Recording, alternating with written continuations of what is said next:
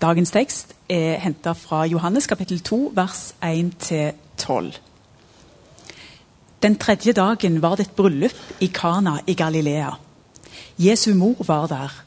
Også Jesus og disiplene hans var innbudt. Da vinen tok slutt, sa Jesu mor til ham, de har ikke mer vin. Kvinne, hva vil du meg, sa Jesus, min time er ennå ikke kommet. Men moren hans sa til tjenerne, det han sier til dere, skal dere gjøre. Det sto seks vannkar av stein der, slike som brukes i jødenes renselsesskikker. Hvert av dem rommet to eller tre anker. Fyll karene med vann, sa Jesus til tjenerne. De fulgte dem til randen. Øs nå opp og bær det til kjøkkenmesteren, sa han. Det gjorde de. Kjøkkenmesteren smakte på vannet. Det var blitt til vin. Han visste ikke hvor den var kommet fra, men tjenerne som hadde øst opp vannet, visste det. Da ropte han på brudgommen og sa, alle andre setter først fram den gode vinen, og når gjestene blir beruset, kommer de med den dårlige. Men du har spart den gode vinen til nå. Dette var det første tegnet Jesus gjorde. Det var i Kana i Galilea. Han åpenbarte sin herlighet, og disiplene hans trodde på ham. Deretter dro han ned til Kapernaum sammen med moren, brødrene og disiplene sine, og der ble de noen dager. Slik lyder Herrens ord. Jeg anbefaler som vanlig alle å se denne serien. Og denne episoden den står for seg selv. Dere kan gå inn på The Chosen, eller søke opp The Chosen, og så får dere mulighet til både streame eller hente inn på en app. og det er forskjellige muligheter. Jeg hører at de som er i grupper, de har hatt glede av å, å følge denne serien nå i høst. og Vi kommer til å fortsette med det en god stund. Jeg lar egentlig denne filmen og teksten nå har jeg fått den formidlet litt på forskjellige måter, stå litt der. Og så skal ikke jeg snakke så veldig mye om bryllupet i Kana i dag. Men jeg tror dere vil forstå at temaet bærer jeg med meg. Oh, freedom, oh, freedom. Oh, freedom, freedom is coming. Oh, yes, I know. Når jeg var på ungdomsskolen, så var det noen som lokka meg med på ikke bare ett seminar på Tennisjonsfestival, men jeg kom også på et, en ny Viken samme året etterpå. Jeg tror jeg var i åttendeklassing, og Der var det å lære sørafrikansk sang. og Dette var på midten av 80-tallet, så det var fortsatt apartheid. Og så var det en kar som het Egon Askvik, som hadde vært nede i Sør-Afrika litt for NMS og lært seg en del sanger og tok de med hjem. Og så gikk det på å undervise kor og reiste landet rundt og fikk veldig mange ungdommer til å være med og synge disse frigjøringssangene. Og så skulle vi da etter beste evne på Egon Askvik-vis lære å danse, og det kom liksom så langt. Så vi hadde det der, og det var, det var liksom sånn. Så vet jeg jo at hvis jeg hadde, liksom, hvis jeg hadde vært nede i Sør-Afrika, så hadde det ikke vært så tungt som det der, men det var, det var sånn vi sto. altså. Da hadde vi lært dansetrinnet som skulle være. Det var Egon Askvik sin dansetrinn. Poenget var at uh, Han fortalte også veldig levende om at han var inne i en garasje på et tidspunkt. som De hadde blitt sånn loset uh, her og der. Så hadde de kommet inn der, og så var det ganske lugubert og, og stygt. Og sånn, og så, og så opplevde han plutselig at garasjen ble fylt opp av glade, svarte sørafrikanere som sang og jublet. Og det var enda vanskelig for dem å kunne gjøre dette her i full frihet. Men, eh, men, de sang om friheten som de så fram mot, og som de lengtet etter. Jeg synes Det for meg alltid har vært et veldig sterkt symbol på dette med fest og glede i en virkelig verden og i virke, et virkelig liv. Hvis de sørafrikanerne gjennom egentlig mange tiår og generasjoner kunne synge og glede seg og danse, så har de grepet noe som handler om dette med fest og glede, som kanskje ikke jeg helt, helt har gjort. For jeg setter så veldig mange forutsetninger og betingelser for at jeg skal kunne glede meg. Richard Foster han har skrevet en bok som heter 'Celebration of Discipline'. og Det er blitt en klassiker, en moderne klassiker for, eh, for mange når det gjelder dette med det litt vanskelige ordet åndelige disipliner. På norsk så har den fått et bedre ord, syns jeg, 'veier til glede', i oversettelsen. Og den syns jeg er god fordi når Foster gjennom en hel bok ramser opp det som jeg kaller for disippelrytmer Jeg lagde en eh, bok for noen år siden som heter 'Disippelrytmer'. og Noen av tankene bygde jeg på Richard Foster fordi han bygde på den lange kirkelige tradisjonen om hva som trengs i et sunt kristenliv av gode han kalte det disipliner, som gir den gode balansen og gir det som trengs for å være en god ja, Ha et helt og, og fullt liv med Gud. Og Da er noe av poenget hans at den boka leder fram til et siste kapittel som heter 'Disiplinen å være glad'. fordi at Bibelen snakker som om det er på en måte en slags lydighetshandling. det å være glad, Men så sier han at det, hvis det var det som sto først, så hadde det bare vært loviskhet. Men når det kommer som en del av alt det man skal være i et helt kristent liv, så vil alle disse veiene, alle disse strømmene av vann, som han sier i en annen bok, streams of living water, de vil som lede mot glede og fest. Og Da vil ikke den spesielle høytiden to-tre ganger i året være noe sånn overfladisk påtatt, men da kommer det som en del av noe som er forankret i et helt hverdagslig liv med Gud. Foster han snakker om israelsfolkets høytider. Utover det at de feiret store familiebegivenheter som bryllup i Kana. Ifølge Gamletestamentet fikk israelsfolket befaling om å komme sammen tre ganger i året for å feire Guds godhet. minner han oss på. De gjenoppdager disse høytidene og festene stadig vekk. For når de har levd med avgudsdyrkelse i mange år, så får vi sånn fra tid til annen en sånn gjenoppdagelse. Det skjer f.eks. med kong Joshia, som oppdager ved hjelp av folk i tempelet så oppdager de en gammel rull om lovboken. og noe av det som da blir lest opp, og som de da gjør, hva gjør de? Jo, de oppdager at de må feire påske igjen, for det har de glemt. Da feirer de påske og har fest. Og så vet dere at tempelet raser ned i forbindelse med at de går i eksil til Babylon. og Etter mange år kommer de tilbake, og det skal bygges opp igjen dette tempelet. Nehemia er en av de, Esra som er med og hjelper til og er slags profeter og dommere og ledere i den gjenoppbyggingen. Og da òg er det å på en måte åpne Skriften igjen og oppdager er det genuine gudslivet. Og Da ser vi i Nehemjas bok, f.eks., i kapittel 8, 9-12 Stattholderen Nehemja, presten Esra, den skriftlærde og levitene som underviste folket, sa da til folkemengden.: Denne dagen er hellig for Herren, deres Gud. Dere skal ikke sørge og ikke gråte.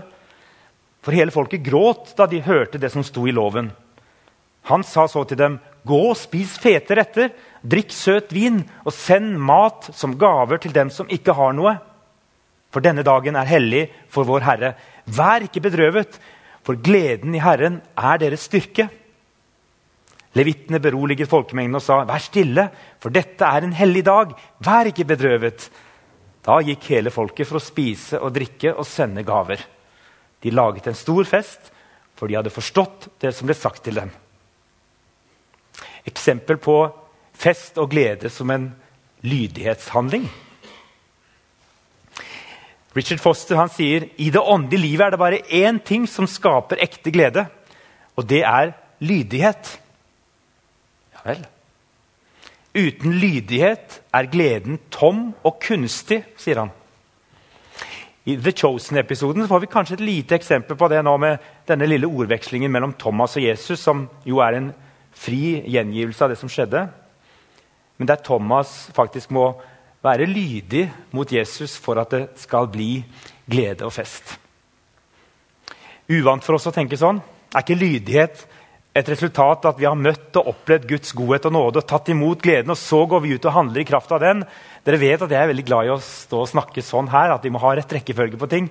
Sånn at det ikke blir stress og mas, dette kristne livet. Jeg er jo livredd for at troen skal bli et prestasjonsjag som alt annet i samfunnet. Enda en ting i livet vi skal lykkes med få til. Men noen ganger må vi snu på perspektivet for å ikke gå glipp av vesentlige sannheter med livet og troen. Og Prøv å høre meg på rett måte i dag når jeg forsøker å få fatt i hva Richard Foster sier, med dyp forankring i Kirkens lange tradisjon når det gjelder gode rytmer i kristenlivet. Det snakkes veldig ofte ganske overfladisk om fest og glede i vår tid. Også når det blir en del av kristenlivet. Det hender nok at lovsangen og gleden kan fremstå på følgende måte. Selv om jeg ikke tror det egentlig er intensjonen hos oss som leder gudstjenester og lovsangskvelder, at folk forledes til å tro at det vi forsøker å skape her, det er at Gud skal gi oss en sånn injeksjon av glede, så vi kan holde ut virkeligheten og hverdagen. Himmelsk påfyll. En avledningsmanøver fra hverdagslivets elendighet. En følelse av glede. Egentlig et late-som-liv. Pris Gud for vanskelighetene dine, er det noen som sier av og til. Ja, Hvis det betyr å bli oppmuntret til å løfte blikket og se at Gud har et, eh, et siste svar på alt i denne verden, i alt som skjer med oss, så er det greit. Men ikke hvis det blir en fornektelse av virkeligheten. Og særlig ikke hvis det blir en fornektelse av ondskapen. Av det som slettes ikke hører til Guds godhet, men heller hører til ondskapen, eller det vi kaller for den falne menneskenaturen en fallen verden. Vi skal ikke kalle fryktelige tragedier og alvorlig sykdom for Guds vilje og prise Gud for det. Det er noe annet å være takknemlige midt i alt som skjer.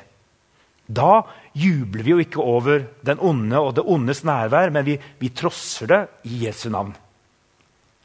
Så hender det selvfølgelig at Gud kan gi oss en, en kortvarig gledesinjeksjon midt i det som er ondt. Jeg tror jeg har opplevd det Sikkert noen av dere også som har gjort det. Jeg skal ikke, jeg skal ikke kaste vrak på de gode erfaringene og øyeblikkene. Da kan det føles litt som om Gud faktisk var en flukt. Jeg kan godt forstå at det er fristende å søke slike injeksjoner. Nesten gjøre det til, et, til en lidenskap å søke slike injeksjoner hvis man først har fått det en eller to eller tre ganger. Men jeg tror ikke slike ekstraordinære Kana-opplevelser tross alt er det som er regelen jeg tror det er unntaket fra regelen, selv om vi tror vi kan oppleve også overnaturlige ting i dette liv. Den samme Foster han sier Guds vanlige måte å gi glede på er å forløse og hellige hverdagslivets mange øyeblikk. Når medlemmer i en familie er fylt av kjærlighet, omtanke og tjenestevillighet overfor hverandre, da har den familien grunn til å glede seg. Men, sier du kanskje, du snakker som om alle har en familie. Ja, det gjør jeg. For alle her inne i dette rommet har en familie hvis de er aktivt med i denne menigheten. Vi er familie i glede og sorg. Om vi faktisk oppfører oss som en familie bør oppføre seg for hverandre, ja, det er noe annet.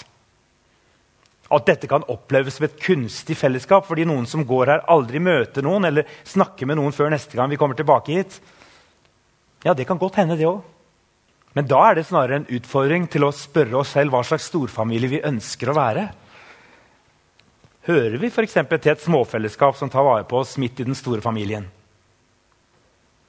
Hvis dette ikke fungerer hos oss eller for deg, da er det heller ikke så rart at innholdet i sanger vi synger om kjærlighet og fellesskap og glede i ånden, noen ganger kan oppleves litt påtatt og kunstig.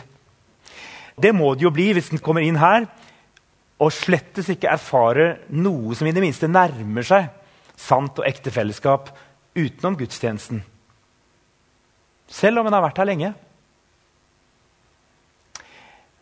Men ikke bare se på de andre og tenk på hva de andre ikke gjør for deg. Kanskje er det de andre som har størst ansvar. Kanskje har det manglet på personlige invitasjoner. ja, men tenk også på om det er skritt du kan ta, om du er ny eller du er gammel i dette fellesskapet, for å være med og skape denne storfamilien vår i Guds bilde etter Jesu Kristi forbilde. Spiser du alle middager alene, eller bare sammen med dine aller nærmeste? Hva med å spise noen av hverdagsmiddagene sammen med noen? Middag skal vi ha uansett. Kan hverdagsmiddagen bli en liten fest? Jeg hører dessverre psykologer og terapeuter Jeg hadde en samtale med noen kristne psykologer for et års tid siden. og De fortalte meg at de er bekymret for at noen av våre kristne samlingssteder kan oppfattes strevsomme for dem som kommer inn, og som av ulike grunner ikke klarer å hengi seg. Det blir en anstrengelse å være her i et sånt rom som dette her, hvis de føler at det som foregår, er et liksomliv som fornekter det egentlige livet der ute. Det kan av og til være brysomt for psyken. Jeg er ikke helt med på å gi all skylden til oss som holder gudstjeneste og samler til fest.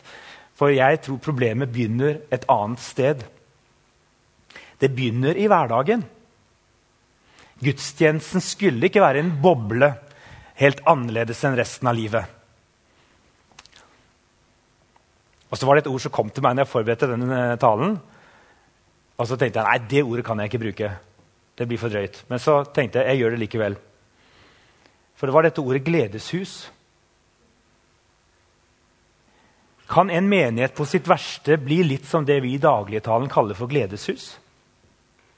Nemlig et bordell? Et sted man går for å få et slags misforstått kjærlighetskick? For å fylle et sug eller tomrom etter den kjærligheten som ikke finnes i de nære relasjoner på jobben i hverdagen? Jeg vet at det er en drøy sammenligning. Men hvis Gud egentlig ikke er herre i våre liv mens vi er i ekteskapet, mens vi tilbringer tid med våre venner, når vi er på jobb, når vi er sammen med vår familie, og hvis det ikke fins noe i vår virkelige hverdag som en gang minner om en sann kristen storfamilie, som er der i glede og sorg, ja, hvordan kan vi da forvente at vi skal kunne erfare sann og ekte glede på gudstjenesten søndag formiddag? Hvordan kan vi unngå at vi selv bare er til stede med kroppene våre, som på et gledeshus, men ikke med ånd og sjel? Og da fremstår selvsagt andres fromhetsliv som kunstig, påtatt og altfor inderlig. Man tenker spiller de skuespill, disse andre? Eller hva er det for noe med denne gleden? Det virker så påtatt. Ja, selvfølgelig, og det kan godt hende av og til det er påtatt. Vi spiller av og til skuespill, mange av oss. Men kanskje handler det litt om at eh, vi sjøl har vært et helt annet sted de siste to ukene. Og så kommer vi hit, og alle er hjertelig velkomne. Men kan vi forvente at det blir annet enn noe falskt, det vi ser andre gjør, hvis det bare er denne timen her? Vi er sammen med Jesus og hverandre. Sånn må jo bli det som skjer på storsamlinger inni denne litt rare bobla. Hvis det er sånn. Men Guds drøm den tror jeg er at dette begynner et helt annet sted. Det begynner i alle de små øyeblikkene i hverdagen. Det begynner med at vi inviterer Guds nåde og godhet og hellighet inn i alle rommene i våre liv. Og faktisk lever som om han er Herre, frelser, vår eneste redning i denne falne verden som venter på forløsning og nyskapelse. Våger dere å gi sjansen på at det er det som faktisk er greia her. At vi faktisk lever maksimalistiske liv, som det var en i media som sa var veldig farlig. Maksimalistisk Jesusliv. Men hva er det som kan skje hvis vi lever maksimalistisk med Jesus? Nå kan vi snakke lenge om hva det betyr, og jeg skal ikke på noen som helst måte underslå at for noen ungdommer og mennesker så har de blitt kastet ut i et liv med Jesus som jeg vil si ikke var et Jesusliv, men det var en en fake utgave av Jesus, der de ble slitne, og der de ble kasta ut i utfordringer som faktisk ikke ga dem et godt trosliv. Da er det jo ikke å gå all in for Jesus. Da er det noe annet. Men Jesus, å ha han med i hele livet, det kan jo ikke være farlig. Da må det være en annen Jesus enn den frigjørende og frelsende Jesus. Hvis det er et falskt bilde av han vi drar på, da blir det til utbrenthet og slit og undertrykkelse av egen stemme og egen vilje. Men jeg kan ikke forestille meg at den Jesus som disse disiplene fikk gå på bryllupsfest med og drikke vin sammen med, ikke var en de også hadde lyst til å henge med i hele hverdagen. Sammen med, og Skulle de gjøre det, skulle de henge med han, ja, da måtte de faktisk også leve med hverandre. Det var nå disse Jesus hadde utvalgt som sin flokk. Og skulle de det, ja, så, så var de en storfamilie i hverdag og fest. Og Etterfølgelsen, lydigheten, den skapte en varig og ekte glede som kunne tåle smerte, sykdom, ondskap, forfølgelse, lidelse, ja, til og med død, fordi de gikk sammen med livets høvding alle slags dager. Den sanne gleden den er et produkt av et helt autentisk kristenliv som tar Gud på alvor i hele sin fylde. Og her ligger lydigheten. Det som jeg liker å kalle for de gode rytmene i disippellivet. For jeg liker egentlig ikke så veldig godt sånne ord som lydighet og åndelige disipliner. Jeg vil helst slippe å, å bruke det, for det blir ofte så feil i hodet mitt. Så jeg liker litt bedre rytmene. Dette som må være der for at vi skal være i balanse. Og ha det bra både med oss sjøl og med vår neste. Det handler om hvile Det handler om tjeneste. Det handler om alenetid. Det handler om fellesskapstid. Det handler om hverdag, og det handler om ferie og feiring. Men det handler om at dette er i en sånn miks at vi verken sliter oss ut eller dør av kjedsomhet. Den sanne gleden den er altså et produkt av et helt og autentisk gudsliv som tar Gud på alvor i all sin fylde. Og Her tenker jeg at steinene bygges i det sanne gledeshuset. Det som er noe helt annet enn et bordell. Da blir det et virkelig gledeshus tuftet på ærlige, trofaste og ekte relasjoner. Ikke den tragiske forestillingen som et bordell er. Og Misforstå meg ikke, jeg tror det er mennesker på bordell som gjør sitt aller, aller beste for å gjøre andre mennesker glade. Mange er tvunget til å være der, men jeg tror det er også sånn at de gjør det. De gir hele livet sitt for å gjøre andre glade. Det er bare så forferdelig trist at de gjør det tuftet på en falsk glede fordi de ikke bryr seg om Guds gode verdier. Trofasthet, sannhet, gjensidig forpliktelse, respekt, menneskeverd, likestilling.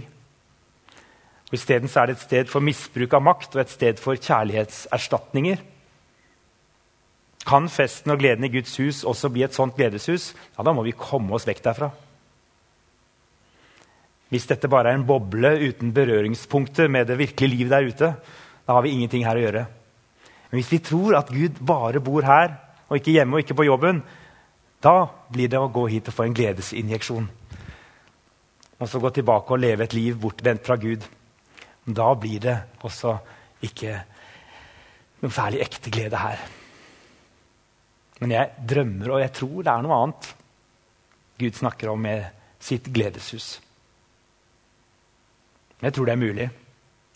Jeg tror ikke det handler om alt det vi skal gjøre, men det handler om å gå i disse ferdiglagte gjerningene som han har lista opp for oss. Ikke én for én, men vi gjør det sammen. Og så er vi sterke en dag og svake en annen dag, men vi, vi lener oss på de andre i denne kroppen. Så vil jeg avslutte med bare å og minne om Filipperne 4, som er Paulus sin måte å ta videre akkurat dette temaet på. når han snakker om å glede seg. Gled dere i Herren alltid. Igjen vil jeg si gled dere, sier han fra fengselscellen. Altså en glede som gjennomsyrer både hverdag og fest. Men hvordan? Jo, så fortsetter han. Vær ikke bekymret for noe. La alt som ligger dere på hjertet, komme fram for Gud i bønn og påkallelse med takk. Og resultatet Guds fred, som overgår all forstand, skal bevare deres hjerter og tanker i Kristus Jesus. Så Han starter altså med å si 'vær ikke bekymret', som en slags lydighetshandling til denne gleden. Vær ikke bekymret. Det handler jo om å stole på Gud, og der følger han opp det Jesus sa også veldig tydelig. For han uttrykte uro over at de rundt ham var så bekymret for alt det de skulle karre til seg, og for at de skulle ha levebrød i dag og i morgen. Og det må jeg også si til meg sjøl. Har jo ikke noen grunn til å være bekymra. Hvis vi lever i tråd med Guds vilje med våre liv, så skal han ta seg av oss. Han skal sørge for oss. Og så sier dette noe om at bønn kan faktisk forandre livet vårt. Om det er fordi vi ber bønner sånn at vi blir på en måte med på det Gud allerede gjør, hans skaperhandling, vet jeg ikke, men bønn kan forandre. Ja, det er jeg helt overbevist om. Men så er det ikke bare bønn og Bibelen snakker om, for det blir på en måte litt også denne lille bobla. Han snakker om at i samme kapittel til slutt, søsken, alt som er sant og edelt, rett og rent, alt som er verdt å elske og akte, alt som er til glede, og alt som fortjener ros, legg vind på det. Og Der bretter han på en måte ut hele livet vårt, jobbene våre, kallet vårt, naturen, alt det som vi kan fylle livet vårt med, som er egentlig å være i Guds gode skapverk.